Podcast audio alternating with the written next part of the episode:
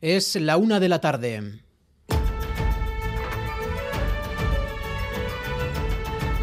Crónica de Euskadi con Imanol Manterola.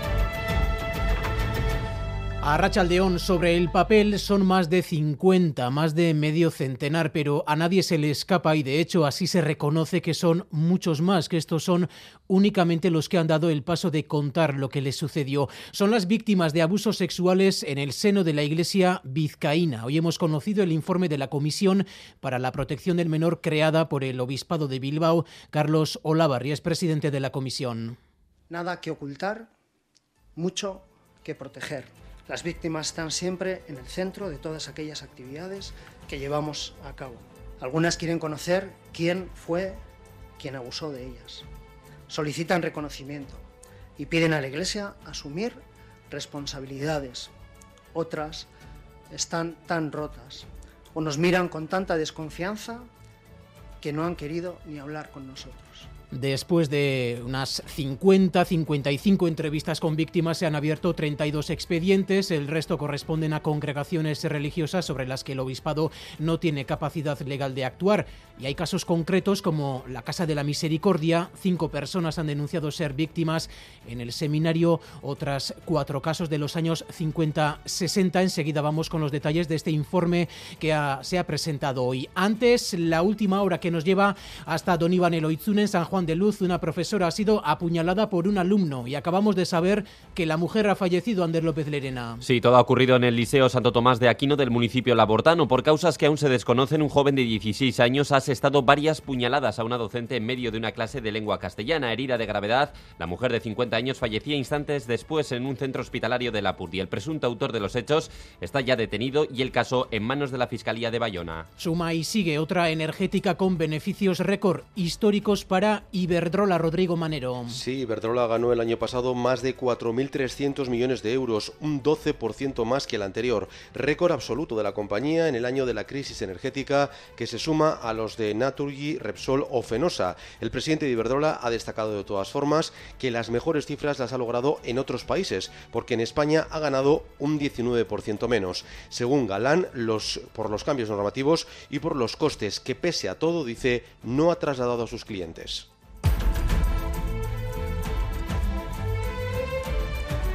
El 8 de marzo de 2024 cae viernes y será festivo en Euskadi. Vamos a proponer a los agentes sociales y al resto de instituciones concernidas que el 8 de marzo del próximo año 2024 sea fiesta laboral en Euskadi, para que el Día de la Mujer sea el día que se atraviesen todas las causas de la, de la igualdad para todos los sectores y todas las personas.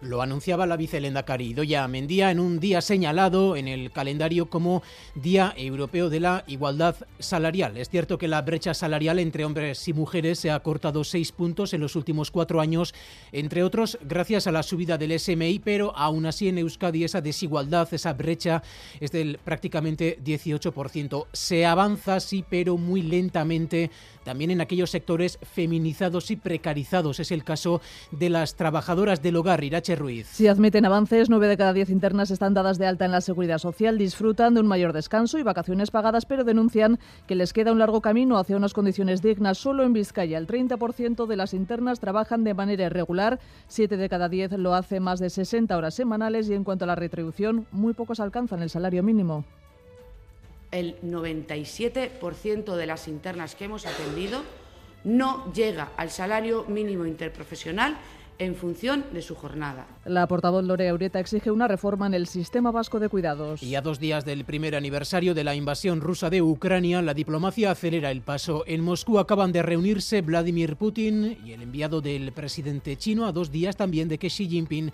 dé a conocer su propuesta de paz. En Varsovia, Joe Biden pasa las últimas horas de su viaje a Europa con un encuentro con el secretario general de la OTAN y sus principales aliados de los antiguos miembros del bosque del bloque que queremos decir soviético, Varsovia, Neira Recta final del viaje de Joe Biden a Ucrania y Polonia y tras el discurso de ayer, dentro de hora y media se reunirá con los líderes de los nueve de Bucarest, es decir, el grupo de los nueve países europeos que forman el flanco este de la OTAN. El objetivo, reforzar las fronteras de la Alianza Atlántica.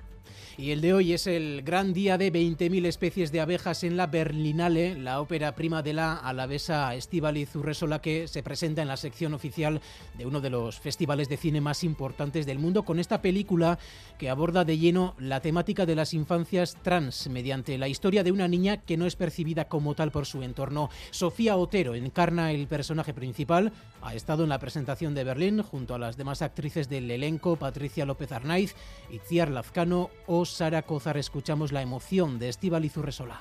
Es muy emocionante y es desde luego una de los logros más bonitos que he conseguido y que me emociona mucho porque es un proyecto en el que hemos estado trabajando durante cinco años y podía no haber eh, terminado aquí, ¿no? pero el hecho de que haya sido seleccionado eh, aquí hace que, que, cobre todo como mucho sentido, poder presentar la peli aquí, poder escuchar el euskera en la pantalla grande. Vamos con los titulares del deporte. Álvaro Fernández Cadierno, a León. A León, Iker Río protagonista del día tras confirmar que su retirada con solo 26 años y dos chapelas del manomanista tiene que ver con su maltrecha rodilla derecha. En cuanto a las citas deportivas para hoy, Balomano Veravera juega en Asturias, en la cancha de la Calzada y en la Champions tenemos el Inter Oporto y el Leipzig City. Y en cuanto al tiempo, estamos en la antesala de un nuevo temporal desde esta noche hasta el viernes que traerá mucha lluvia en el norte del país. La cota de nieve también bajará hasta los 500-700 metros. Podría nevar sobre todo mañana. Onince Salazar es la responsable meteorológica de Euskalmet a partir de esta noche y durante toda la jornada del jueves hasta primeras, muy primeras horas del viernes, pues va a ser esa situación de, frío, de mucha precipitación y nieve, como mm. decía, en torno a esos 500-700 metros. Estará activo el, aviso amarillo por nieve en el interior, pero en principio, eh, como la cota de nieve también está situada en esos 500-700 metros, afecta a zonas donde no va a precipitar tantos. Pues, por ejemplo, pongamos Álava, no va a llegar tanta precipitación, sobre todo con ese viento del norte es en vertiente cantábrica donde se van a acumular las mayores cantidades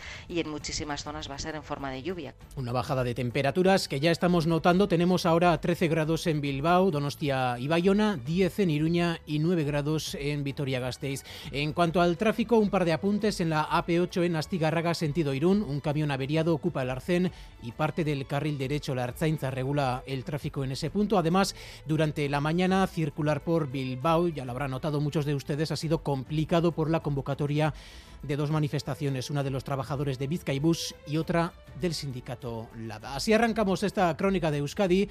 Hoy en el control técnico Raúl González y José Ignacio Revuelta, a Itziber Bilbao en la coordinación. Crónica de Euskadi con Imanol Manterola.